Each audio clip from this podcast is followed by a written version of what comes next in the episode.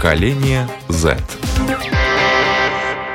Здравствуйте, с вами Марина Талапина, режиссер программы Даниэль Йоффе. Спасибо большое, что подписываетесь на нас, слушаете нас и смотрите нас на YouTube. Теперь также нас можно слушать практически на всех платформах, включая Spotify, Google и Apple Podcast, ну и, конечно, на нашем сайте lr4.lv.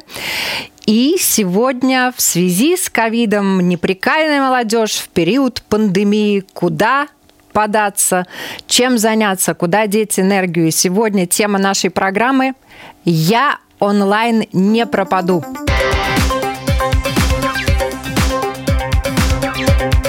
Поколение Z. Я рада представить, в Латвии проходит акция «Тапис Are Youth Use», и сегодня у нас на связи Анжелика Мария Зуба. Здравствуйте. Которая представляет компанию 3D Friends. Айвар Бачкур, председатель правления молодежного общества Дагне. Айвар, здравствуйте. Здравствуйте. Йоран Дабкевич, директор общественной организации New East. Добрый день.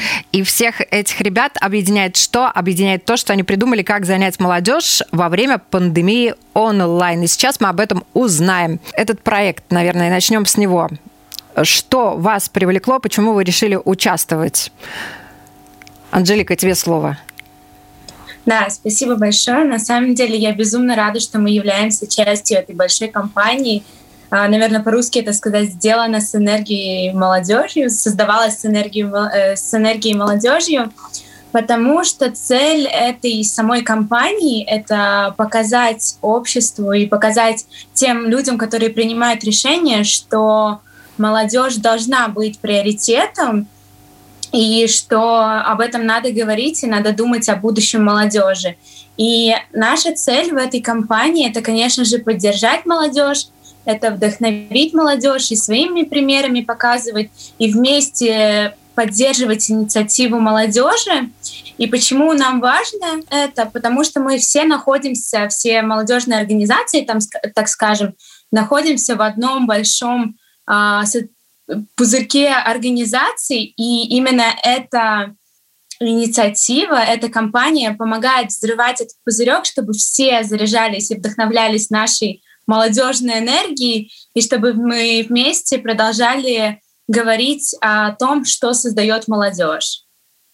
Йоран, ты достаточно э, избирательный молодой человек, да? Ты думаешь, где участвовать, в чем участвовать. Вот э, тебя чем зацепила эта компания?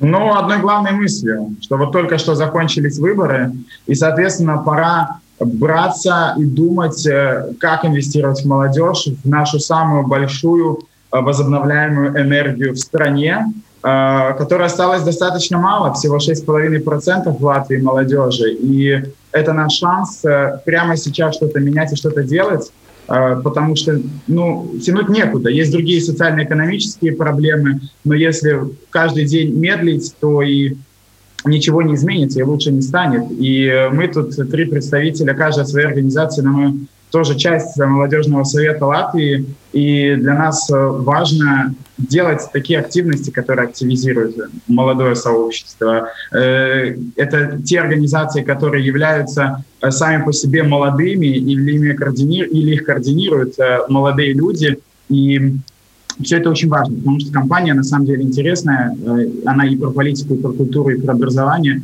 И самое главное, что это все сделано с молодежной энергией и молодыми руками. Made in молодежь. Да. Эм, отвечу очень просто. Эм, уже на протяжении 18 лет наша организация работает с молодежью. И непосредственно я два года руковожу этой организацией, и за два года мы сделали действительно много, за 18 лет еще больше. И это прекрасная платформа для того, чтобы показать, куда эта позитивная молодежная энергия уходит, а также с помощью этих хороших примеров вдохновлять э, и другую молодежь в других регионах, и также в столице нашей страны. И вместе мы можем сделать больше. Ну, тут важно подчеркнуть, что, Айвор, вы из Краславы, да? И да, из Краславского да. района, из Дагды. Да, но это граница, можно сказать, нашей Родины. Этот проект тем хорош, что действительно можно обмениваться и энергией, и идеями, и мероприятия проводить совместно. Давайте рассказывайте, что вы предлагаете для молодежи, куда вы предлагаете применить энергию молодежную, что непосредственно творится у нас там на восточной границе, куда энергия молодежи там направляется. Свою энергию мы очень, очень много тратим на благие дела. Э, в первую очередь это благотворительность. Давайте вот что вы э, сделали? Три э, мероприятия благотворительных, которые вы провели конкретно. Что собрали, сколько собрали, кому дали, кому помогли? Первая благотворительная акция была на рубеже 19 года и 2020 года. Свой финал она увидела в 2020 году, еще перед э, началом э, всемирной пандемии, и в Латвии в том числе. Мы с помощью благотворительных дискотек, с цикла благотворительных дискотек, собрали денежку и помогли, да, и помогли э, школе, школа, которая обучает специальных детей, детей, которых не берут в обычные школы. Э, и мы для одной из групп э, мы купили и пожертвовали компьютер, красочный принтер мультифункциональный, э, угловой диванчик, метр на метр внутреннюю эм, то есть внутрикомнатную песочницу, где молодежь смогла бы развивать свою мелкую моторику. Ну да, это песочная а, терапия, так, да, наверное, песочница для песочной да, терапии. Да. Ага. Да. И также там был настольный футбол, чтобы, опять же, им было бы увлекательно. И это все собрали с дискотеки, да? То, то есть да. Э, на деньги, класс, я тоже хочу на эту дискотеку. Давайте, вторая акция. Да, вторая акция была немного попроще. Мы помогали э, Дакской средней школе. В Дакской средней школе основан музей. Э, музей именно самой школы и города нашего. И этому музею катастрофично не хватало э, опять же, мультифункционального принтера и фотоаппарата для того, чтобы экспонаты, которые приносят э, в этот э, музей, их не приносят навсегда. Их приносят и через время забирают.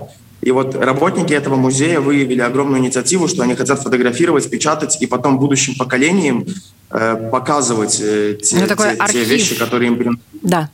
да. Создавать архив. Вот. И вот да. для, этого архива, для этого архива мы приобрели мультифункциональный принтер фотоаппарат и сумку для фотоаппарата и подарили их, значит, этому этому музею. И третья акция была самая масштабная акция. Мы под каждое Рождество делаем для детей благотворительное мероприятие.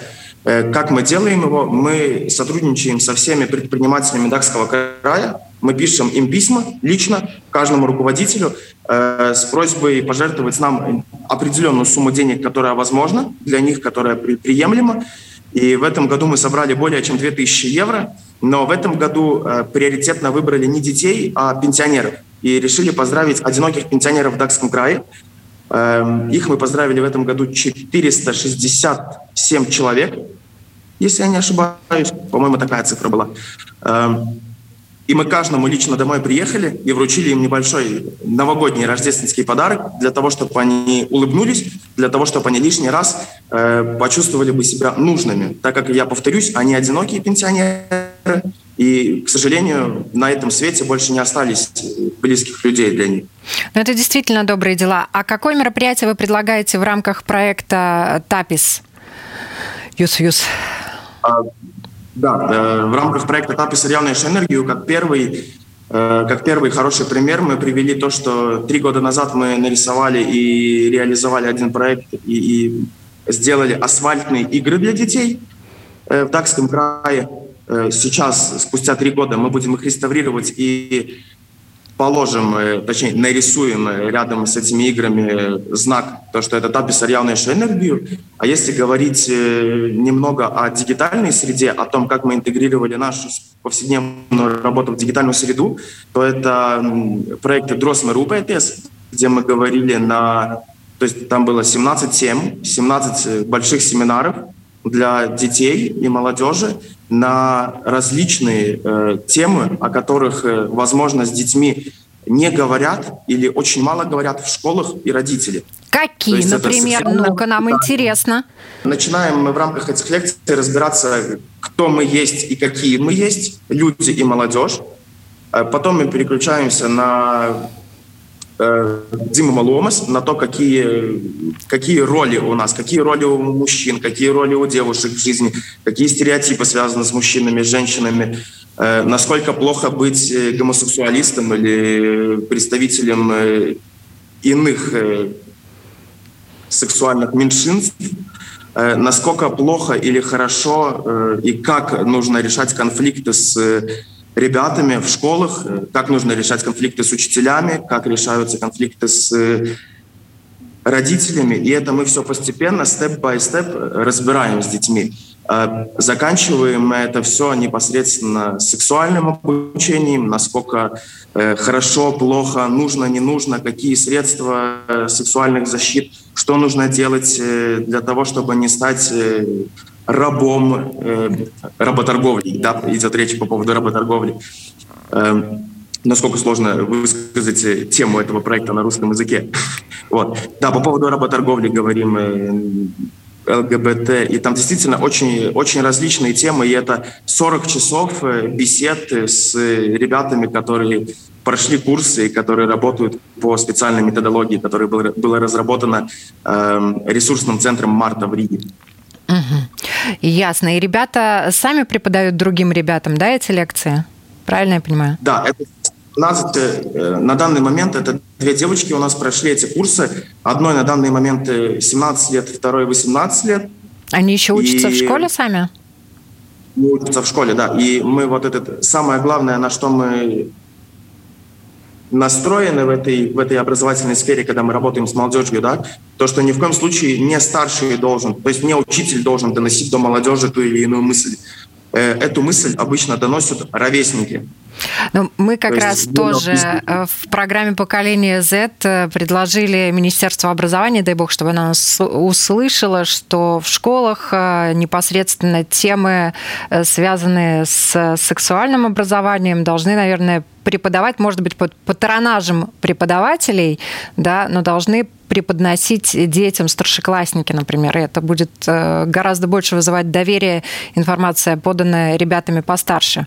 Ну, и так, Йоран, мы все время работаем, есть э, это про культуру, про образование, про медиа. Э, у нас постоянно есть программа Media Lab. Последние полтора года она в основном в онлайне. Это Media Lab и Медиатон, который недавно завершился Э, это более тысячи участников из пяти стран, менторы из разных стран, жюри, эксперты из разных стран. Это про медиаграмотность, про навыки журналистики и вовлечение, скажем так, молодежи в такую современную дигитализацию, социальные медиа и это потребление контента. Э, также каждый год мы делаем театральные воркшопы и ставим спектакли. Но то, что э, касается, я прошу прощения, что я тебя перебиваю, то, что касается, конечно, медиалаб, мы тоже немножко э, были задействованы в этом, что приятно, и у нас вышла программа об этом проекте. Это, конечно, было здорово, но хочется спросить, а что вот в этом проекте вы собираетесь делать?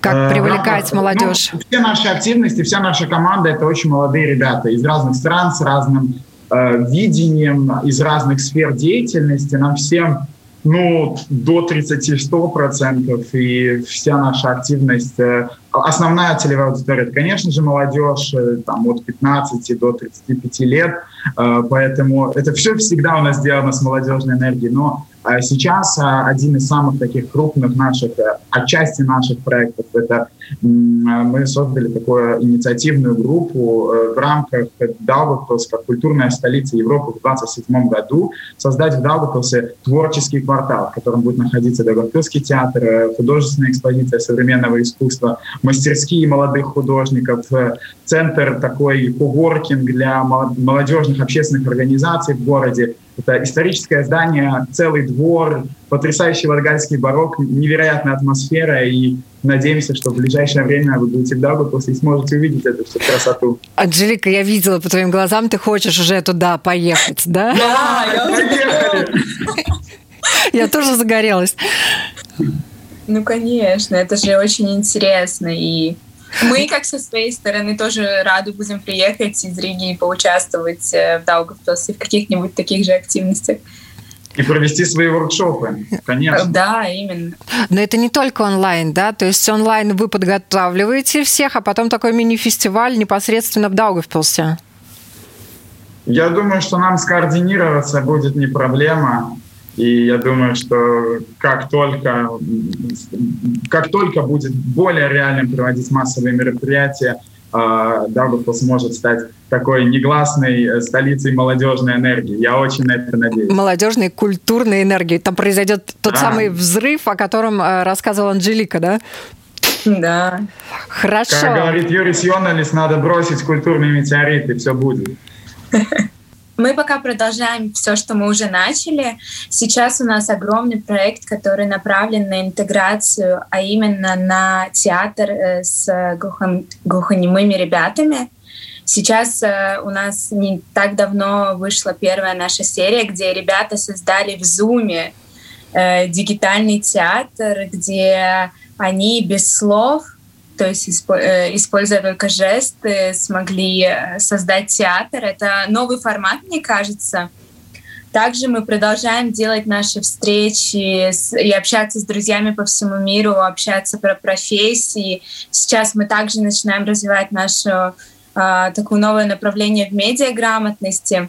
Э, летом также мы планируем делать еще один виртуальный молодежный обмен для подростков, что мы делали в прошлом году.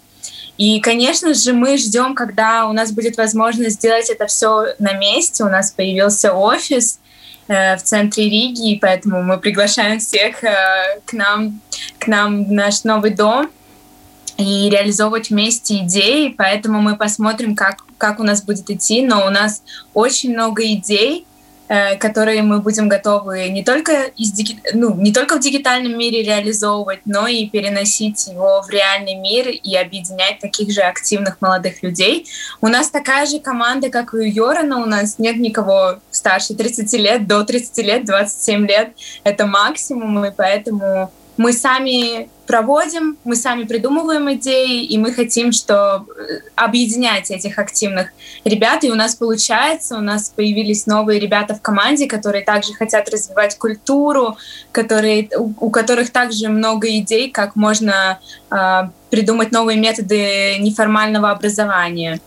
По поводу, что еще вот эта компания создана с молодежной энергией, это не только, скажем так, похвалиться нашими достижениями, есть Tapis ar jauniešu энергию LEPLV страничка, где есть классные примеры со всей Латвии, но это еще тот момент, когда мы можем задуматься о своих силах и способностях, что мы можем делать, насколько это конкурентоспособно, насколько это актуально в современном мире, и как повысить, улучшить свой ресурс, свои навыки, свои знания.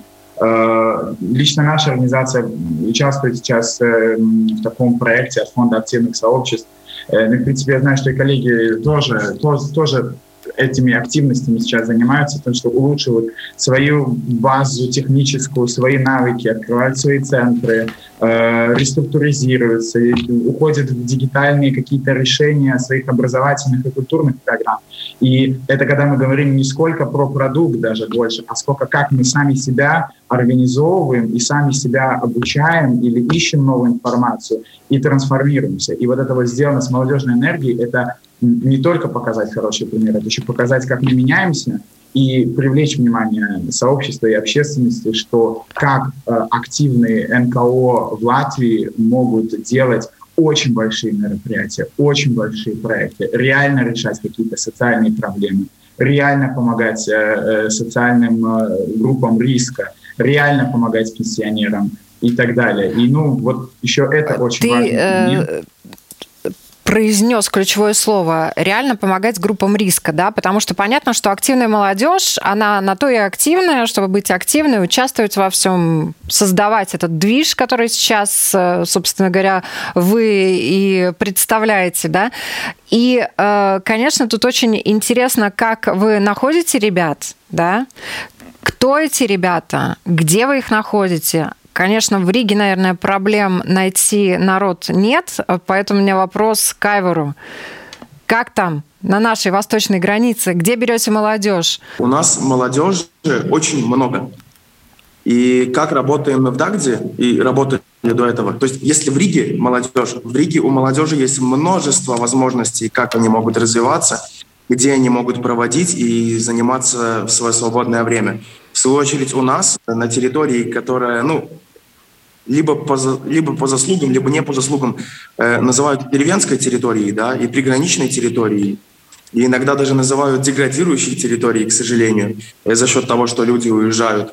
Эм, у нас молодежи это и заниматься, и деваться, и девать свою энергию, к сожалению, сильно некуда. И потому любые методы, которые мы предлагаем им, они хватаются очень на ура. И говоря о том, что у нас 27 представителей в нашем обществе, это я говорю только о той части, которые официально заявили о себе. Так как неофициально мы работаем, именно наше общество, более чем со 100 людьми одновременно. Молодыми а, ребятами, да, что важно да, подчеркнуть. Да, молодыми ребятами. А, а также у нас э, в Дакской волости есть 10 самоуправлений. В каждом из этих самоуправлений у нас есть молодежное общество – и даже если каждый раз мы не можем привлечь всех, все свои силы, то у нас действует такое неписанное правило. 10 самоуправлений, 10 обществ. 10 обществ, в каждом обществе как минимум по 10-15 человек. Вот, то есть 10 умножить на 10 – это уже 100. А 100 человек… Это 100 сила. Молодых, 100 молодых человек у нас в крае – это не просто сила, это мощь, перед которой горы ложатся. Вот так вот. Поэтому у нас в Латгалии гор и нет, да? Они все слегли. Как раз у нас в Латгалии больше всего гор. Холмы. У нас там холмы озера, и это край холмов и озер, край голубых озер, красивый край. Йоран, Даугавпилс, да. это тоже край голубых озер, это Латгалия. Э, как там? Ну что в Даугавпилсе? Ну, активно работаем. Э, и сейчас, последние полгода, и тоже исходя из того, что Даугавпилс становится, ну, вместе со всей Латгалией становится кандидатом на статус культурной столицы Европы, это очень крутая возможность кооперации, коммуникации и общения. Госучреждения, э, общественные организации. Но именно активные, молодых людей, молодых людей, где берете? В том числе молодых людей, которые или сейчас вернулись, или даже живут за границей, или являются здесь э, представителями разных сфер, там, от бизнеса до госуправления. И это очень классная возможность коммуникации и двигать какие-то культурно-образовательные идеи уже не только в рамках своего сообщества и своей, скажем так, коммуны, а на уровне Даугавпилса или там Латгалии. Классная возможность. И это та коммуникация, которую мы немножко потеряли Э, возможно, в первую волну э, пандемии. Это та коммуникация, которая, возможно, в принципе, по натуре здесь не хватает между собой. И вот такой большой, скажем так, импульс э, для как бы культурного развития дает нам не только культурное развитие, да, но дает нам вообще, в принципе, понимание того, что здесь происходит. И если мы говорим про нашу организацию, это порядка 20 человек. Если мы говорим про э, обсуждение каких-то процессов и советов и так далее, то это уже там, сотни человек. То есть движение есть, оно в интересном векторе, и это круто. Анжелика, я тебя спрашиваю по-другому. У нас молодежи в столице Латвии много, да? Угу. Проблем дефицита э, привлечь ребят нет, а вот э, то, что касается сложной молодежи, э, молодежь, которая как раз энергия есть, да, но они либо направляют не туда, вот, либо предоставлены сами себе, да, и, ну, так называемая трудная молодежь, как-то с ней у нас э, здесь, в столице, получается работать, получается ребят выуживать, которые были там где-то на грани. Этот процесс происходит не так э, быстро, этот процесс, э, процесс интеграции происходит не так быстро, как э, в других, может быть, городах. И я бы сказала, что это является все еще проблемой номер один у нас, что у нас нету еще такой сильной интеграции. И есть отдельные организации, которые специально специализируются на таких молодых людях. То есть это отдельные молодежные организации, которые, с которыми мы сотрудничаем, по сути, и все организации сотрудничают. И они благодаря этим организациям, которые фокусируются только на эту молодежь, и они, мы привлекаем их в свои какие-то активности, интегрируем. То есть без тех, кто специализируется на этим, на конкретно, на конкретно этих ребятах, мы бы не смогли их бы так достать. И я рада, что есть такие организации, которые не боятся говорить, которые не боятся их искать и которые работают с, с трудными ребятами именно. Но это вот очень важная тема, потому что то, что вы предлагаете, и то, что рассказала Айвар, особенно на периферии, где мало вариантов, чем заняться, ну, не так много, да, а, но и там, например, есть интернет, и ребята вполне даже адекватные, нормальные, они могут э, сидеть в гаджетах, сидеть в компьютере, да, совершенно там не думать о каких-то театральных фестивалях, э, там, воркшопах и так далее. Вот как э, вы вообще эм, думаете, лучше всего привлечь такую молодежь, в которой энергия есть, но она уходит на компьютер, например? Но мне кажется, в этом смысле нам очень, правда, помог э, вся пандемия, как бы это неправильно не было сказано. Но интернет нам помог найти разных ребят, я бы сказала, и объединить э, ребят с разными, э, с разным опытом, э, так скажем, и с разными трудностями. Потому что здесь, в интернете и в дигитальном мире, создавая дигитальную организацию, у тебя нету что каких-то барьеров. Ты видишь человека только в своем экранчике, условно говоря, и все. Ты, там пропадают какие-то страхи и барьеры, которые есть у людей, которые не могут найти или могут найти возможности. И я думаю, что наша проблема, что у нас огромный спектр э, разных, куда можно пойти. И здесь главное заинтересовать ребят, создать такую визуальную обложку, чтобы они такие, о, это что-то интересное и что-то очень понятное, потому что даже вот как пример наша организация, мы хотели делать про дезинформацию, и когда молодежь слышала слово дезинформация, все таки что? Дезинформация? Что? Это, это что-то сложное. И когда мы перевели на язык а, доступной молодежи, чтобы им было понятно что-то про чистить свои новости, вот какие-то такие, это сразу по-другому зазвучало, это сразу всем стало понятнее. Поэтому я думаю, здесь очень важно работать еще с подачей информации, переобразование это как, в какую-то другую форму, которую, может быть, нам до этого не приходило э, не приходили идеи, как это можно сделать. На самом деле сейчас э, в этой пандемии тоже есть правильно такой плюс, что много лекций, семинаров, курсов и так далее стали доступны в интернете на любом языке, не надо никуда ехать, и это все очень круто. И помимо этого еще стало доступно быть волонтером онлайн. И, например, сейчас есть компания «Вместе против COVID», где даже самых дальних уголков Латвии, с периферии, можно онлайн помогать э, во всяких социальных медиакомпаниях, координировать э, доставку помощи и так далее. И это можно делать прямо онлайн в любом возрасте, в любом регионе.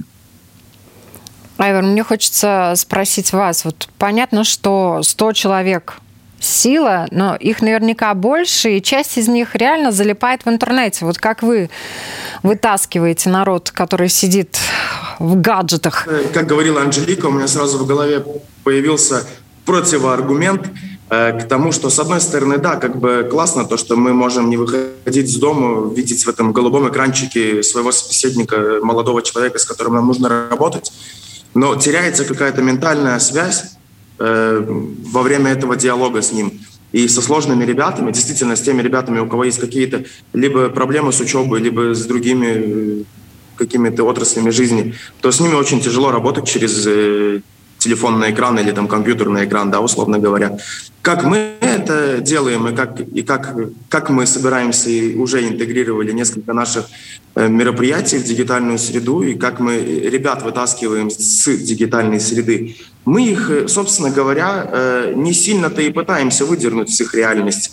Мы пытаемся интегрировать свою работу под них – то есть э, продолжать делать э, тот же самый хороший контент, чем мы занимались раньше, э, вблизи, делать то же самое, только отдаленно. Да, действительно, немного сложнее с ними работать по этой через по посредством синего экрана, но все же можно и, и это позитивно. У нас пока что нету никаких негативных отзывов по поводу этого и проблем тоже к радости. Но мы частенько мы Частенько мы используем индивидуальные встречи, когда мы не в группах собираемся, но индивидуальные встречи, прогулки. Город небольшой, слава богу, можно встретиться со всеми. И индивидуальные прогулки, конечно, соблюдая все эпидемиологические условия, мы стараемся все-таки как-то еще и не только через экран, но еще и немного живое, живое общение поддерживать. Вы в начале программы сказали насчет того, что вы хотите донести, что в молодежь нужно вкладывать, да? Хорошо, в молодежь нужно вкладывать что? деньги. Смотрите, наша организация у нее есть тоже, можно сказать, что в рамках этой кампании предложила молодежному совету Латвии, сейчас идет обсуждение и подготовку, ввести в Латвии систему 1%, которая работает в Литве, в Польше, во многих странах Европы. Это когда мы платим все свои налоги, и часть из них, 1% точнее, э, каждый, э, каждое физическое лицо может выбрать, какой общественной организации с статусом общественного блага он отдаст 1% годовой от своих отданных государству налогов. Соответственно, напрямую помогая общественным организациям, в том числе молодежным организациям. И это вопрос и про деньги, и про политическую, культурную и социальную поддержку, и про вообще популяризацию общественной деятельности и молодежного движения в Латвии потому что а, энергии может быть и очень много, но очень часто какие-то организации не могут пережить этот кризис или не справляются с э, желаемыми результатами или просто не способны реализовать какие-то программы ввиду кризиса, проблем, недостаточного финансирования, невозможности участвовать э, в культур капитала фонде проектах и так далее вы э, сегодня занимаетесь молодежью, вы сами являетесь той самой молодежью, которая пышет энергией, да. А то, что касается людей постарше, э, вы сами уже не за горами. Э, да, то время, когда вы обрастете мышцами, станете э, взрослыми людьми, да, и молодежь будет казаться вам детьми, которых надо чему-то учить, а может быть, не надо чему-то учить, да, вот какие у вас планы на будущее? Такой, на лет 10 вперед, если заглянуть. Интересный вопрос, который всегда так немножко мне кажется, ну, первая мысль, которая приходит мне, это, наверное, что в наших условиях и в ситуации, в которой мы находимся сейчас, уже сложно очень далеко планировать что-то. Загадывать и не строить... надо, да? Да, и загадывать очень сложно, потому что два года назад я бы сказала свой план хоть на 10 лет вперед. И когда произошла пандемия, это немножко вернуло нас в то время, что и дало нам задуматься о том, что, ну, подождите, в какие-то моменты надо понимать, что у нас есть здесь и сейчас, и как действовать здесь и сейчас, и показывать реальный результат, а не ждать и планировать на будущее, что мы чего-то достигнем. Поэтому, мне кажется, очень сложно так сразу сказать, что, что будет через 10 лет, когда мы не знаем, честно говоря, что будет через Год. Через неделю. Ну да. Через день. через месяц. Это все очень... Ну, хочется не... надеяться на что-то. Безусловно. Хочется верить в лучшее, и мы верим, что, конечно, если смотреть на это очень позитивно и надеяться, что скоро вся эта ситуация закончится, и пандемия закончится, и мы сможем реализовывать свои проекты, мы сможем доносить э, до молодежи и до общественности важность всех организаций, и мы сможем с молодежью э, при помощи разных инструментов, в том числе и финансовых, реализовывать свои чудесные идеи и помогать не только молодежь молодежи, молодежь подросткам или детям, но также мы сможем решать и более глобальные проблемы и со старшим поколением работать и показывать на примере, что все возможно. Вот хотелось главное... бы более, может быть, конкретных примеров, да, угу. потому что особенно вот про старшее поколение ты прям сняла у меня с языка. Вы бы не хотели направить свою энергию и старшим людям, и не обязательно пожилым. Конечно, пожилым обязательно надо помогать, да. Но я не знаю, там, на поколение там, 40-50 лет. Вы же у нас такие активные. Вы же тоже можете их чему-нибудь научить. Так вот, кстати, пандемия помогла научить, э, как, например, с разными дигитальными инструментами, скажем, э, с техникой, с интернетом, с зумом. Я думаю, что э, родители, ну, точнее, мой личный пример, что мои родители не знали, как пользоваться зумом, пока не наступила пандемия, и когда пришлось, просто пришлось включать компьютер. И я думаю, многие я думаю, что мы сможем помогать э, адаптироваться под новую реальность, что что-то можно уже делать, не ходить и встречаться, а сделать через интернет, почему бы нет? Ну, это так, первое, что как бы приходит мне на ум такое. Йоран. А про старшее поколение я сказал бы в Латвии и вообще в мире есть такое ужасное, но модное слово эйджизм. мне кажется, в Латвии оно вообще незаметно. Потому что э, хор- хорошие идеи присоединяются любого возраста люди, и как-то ни разу не замечал. И отчасти, наверное, я, Анжелика и Айвар, мы показатель вот этой классной системы без эйджизма, да, потому что я знаю примеры, когда там, а тебе нет даже 30, а ты зеленый, не лезь никуда. И это очень убивает на корню вообще какую-то общественную инициативу и так далее. И у нас это очень... Ну, я не, я не сталкивался, я не видел, и поэтому это тоже классно, потому что мы говорили там про целевую аудиторию мероприятий, там молодежь там 15-30 лет, но это вообще не показатель. Бывает, что приходят и гораздо старше, и всеми семьями и так далее, и это очень круто, и никто никого не делит ни по каким признакам э, возрастным, ну, за исключением там каких-то, возможно, супер конкурсов для школьников, да, ну, как бы ну там понятно. А так э, вот эта, эта система очень крутая, и дай бог, чтобы она осталась, и пандемия тоже стерла еще больше эту границу, потому что главное не какая аватарка и, и сколько в паспорте, а что за этой аватаркой, какая идея, проект, концепция, мысль, желание, силы и энергия. То есть вы встречали энергичных людей и более старшего возраста, да? Что вселяет да. в нас надежду эти зумы с бабушками, они потрясающие, они такие активные, это великолепно. Вау. Айвар.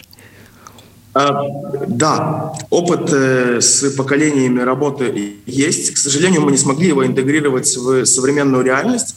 Но в начале 2020 года между Дакской и Краславской молодежью было, было одно экспериментальное мероприятие под названием «Битва поколений», где мы и танцевали поколениями, и пели поколениями, и шутили поколениями, и пытались выяснить, кто же лучше, старший или младший, но пришли к общему знаменателю то, что мы все хороши. Да, вот, есть, и есть чему учиться друг у друга. И других, других. Вот. Но говоря про десятилетнюю цель, э, про мою личную и про организацию, все очень просто и лаконично. Я сейчас работаю с одним таким знамением над головой, то, что даря улыбку другому, ты смело можешь улыбнуться сам. И я более чем уверен, что через 10 лет это будет актуально. Я надеюсь, что со мной еще в этой организации, но мы также будем работать по тому же самому принципу, что будем дарить э, причины для улыбок и будем дарить улыбки для других ребят, и после этого будем смело улыбаться сами. То есть мы ни в коем случае не уйдем от э, этой благотворительности, и даже через 10 лет мы ее интегрируем к тому времени, к тем реалиям, которые будут тогда, и будем стараться сделать этот мир лучше, так как э, идеально никогда не будет. Молодежь у нас в стране есть, Энергия. От 18 до 24 лет 6,5%. Очень мало. Мы вторые с конца после Болгарии. Но она есть, эта молодежь, слава она богу, есть. она если есть. тянуть, если до карантина у нас по 54 человека в день уезжало, большая часть молодые трудоспособные люди. Тянуть некуда. И вот про то, что инвестировать и думать про молодежь надо сегодня, это и есть эта компания тоже и про это тянуть некуда. Пандемия будет долго, наверное, но молодежь, молодежь вырастает и или уезжает, или теряет желание что-то делать, или теряет энергию. Поэтому работать с молодежью и госструктурам, и бизнесу, и населению, поддерживать инициативы и так далее нужно уже сегодня. Подписываюсь под каждым слов, словом Йорана, и я хочу добавить о том, что важно, чтобы все понимали и сохраняли, и вкладывали не только в молодежь, но еще в организации, которые работают с молодежью, и поддерживали ту позитивную энергию, которую эти э, организации объединяют, потому что с этой энергией вместе они делают очень полезные вещи. Айвар. Да, полностью согласен и с Йораном, и с Анжеликой. Спасибо за, за ваше мнение. Действительно, так оно и есть. Эм, что могу сказать в заключении для молодежи самой? Помните то, что энергия никогда э, и ни в каком виде не исчезает бесследно. И в какое русло ее пустить, зависит э, только от вас. И используйте прекрасные ресурсы в качестве Йорана, в качестве Анжелики, меня и еще сотни таких молодых ребят, которые работают с вами и для вас на всей территории Латвии. В Европейском Союзе очень четко прописана вот эта грань, что э, молодежь должна быть в приоритете, мы должны вкладывать в молодежь. И вот, Йоран, ты можешь дополнить меня, что что да, у нас вот пока была тут предвыборная кампания, была встреча, ну, я не участвую в предвыборной кампании, но мы как организация участвовали в разных встречах с молодежью, которая анализировала, скажем так, партийные программы на муниципальные выборы. И там в среднем на большой город, там в 7, в 7 в списков две-три что-то говорят примерно про молодежь, в остальных вообще молодежь не является никаким приоритетом, никакой целью, никакой задачей. А то, что часто и появляется в программах, это такая абсолютная вода, ничего конкретного, никакого желания искать э, новые какие-то возможности для молодежи финансирования и как-то развивать эти программы. И, к сожалению, это, э, это мы не ищем возможности развития, а мы как бы единственные последние возможности просто затыкаем, замалчиваем и забываем. И что важный момент тоже, все вы э, работаете на других работах, для того, чтобы зарабатывать себе на жизнь, да, а вот эти общественные организации, которые, по идее, могут существовать за счет э, средств, которые дает государство, они э, существуют за счет вашей энергии. И мы работаем, чтобы содержать наши фонды потому что весь административный ресурс, он обычно, скажем так, бесплатный. Все, что происходит, это это наш ресурс. И таких, такие сотни, такие сотни активных организаций во всей Латвии. И зачастую наши организации делают более крупные заметные проекты, чем, не знаю, какой-нибудь Минобразование или Минкультуры. Или госучреждения. Или муниципальные структуры, да. Абсолютно. Короче, надо сделать change. Общественным организациям дать власть, а самоуправление, ну, вернее, людей, которые вошли в самоуправление. Делегация, делегация ответственности и исполнений должна быть. И мы сейчас в той критической точке, когда это есть тот момент, когда не может самоуправление или государство теперь понимать и знать все. И есть организации, фонды, структуры, которые лучше в этом разбираются. И если мы живем в таком демократическом и свободном обществе, и мы оцениваем по знаниям, по пониманию, по образованию, по вовлеченности, то должна быть делегация, ну, делегирование заданий, делегирование задач и делегирование ответственности, и, и это даст нам лучший, больший результат. Мы не живем в миллиардном государстве, и на миллион мы способны реструктуризироваться и реально видеть результат с госказны, с муниципального бюджета и с инстанций, которые, ну, скажем так, полу или абсолютно государственные. И очень бы хотелось, чтобы эта поддержка была на локальном уровне, то есть э, чтобы государство поддерживало, чтобы нам не приходилось искать всяческие какие-то другие региональные, международные э, фонды, которые бы смогли это заполнить этот э, промежуток, а именно чтобы государство помогало. Причем говорили по поводу делегирования, да, и это делегирование в латвийском государстве когда-то было, и оно очень часто использовалось. Это мы можем проследить по работе моего общества. Да, я не работаю там с самого начала, так как когда было э, создано мое общество, мне было всего лишь пять лет. И в 2003 году было создано общество, в 2006 году, э, реализовав международный Оранье проект, э, был открыт первый молодежный центр на средства этого проекта. И потом, по окончанию проекта, самоуправление делегировало нашему обществу и выдало хорошую сумму денег для того, чтобы содержать руководителя этого общества, э, руководителя этого центра, чтобы содержать э, весь, весь персонал, который отвечает за чистоту, методиста и всех работников, которые там работают и отвечают за молодежную деятельность в стране, э, не в стране, в городе. Вот. И в таком случае, вот в 2006 году, в 2008 году было это делегирование до вот этого кризиса 2009 года, делегирование было очень актуальной вещью, которая работала на отлаженном уровне. После кризиса это все либо подзабылось, либо не использовалось. И Но ушло Айвор, под самоуправление. Да, и э, ну, в то же время, Айвор, э, вы рассказывали о том, что ваше общество также помогает предпринимателям создавать продукты и зарабатывать деньги, за что вы также получаете, вы можете, то есть вы можете э, получать, зарабатывать деньги благодаря своей энергии, правильно? И вкладывать в следующий проект.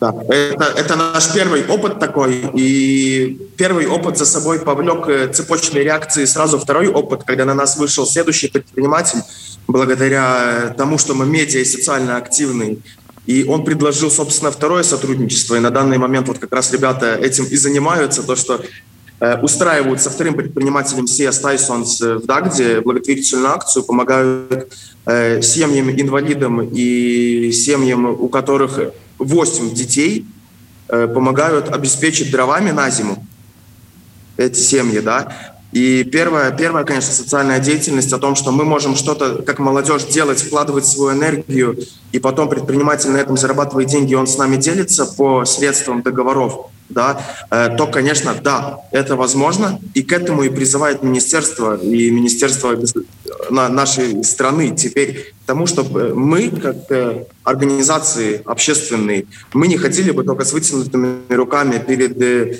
эм, самоуправлением и другими ребятами, которые дают нам деньги, но еще и сами вкладывали бы эту энергию и зарабатывали бы денежку. Мы это попробовали, это работает и очень хорошо работает. Вот. Э, насколько нас хватит и насколько далеко это уйдет, покажет только время. Первый опыт, э, посмотрим, как Но... будет дальше. Пример Дагны в работе с местными предпринимателями – это очень положительный и исключительный пример. Но, к сожалению, и к нашему такому общему социальному ответственному стыду, э, сейчас вот молодежь и семьи по 8 детей активнее готовы помогать скандинавские фонды Польша и Брюссель. К сожалению. Ну, дай бог, чтобы вы заразили своей энергией всех э, и по поколениям, и по социальным слоям, и политиков, которые посмотрели бы на вас и сказали, о, да, нам пора уступить место молодым. Спасибо большое. Всем хорошего дня. Подписывайтесь на нас, слушайте нас. Если вы не успели послушать нас с самого начала, заходите на платформы Spotify, Google и Apple и слушайте нас там. Всем хорошего дня и энергии. Направляйте ее в нужное русло.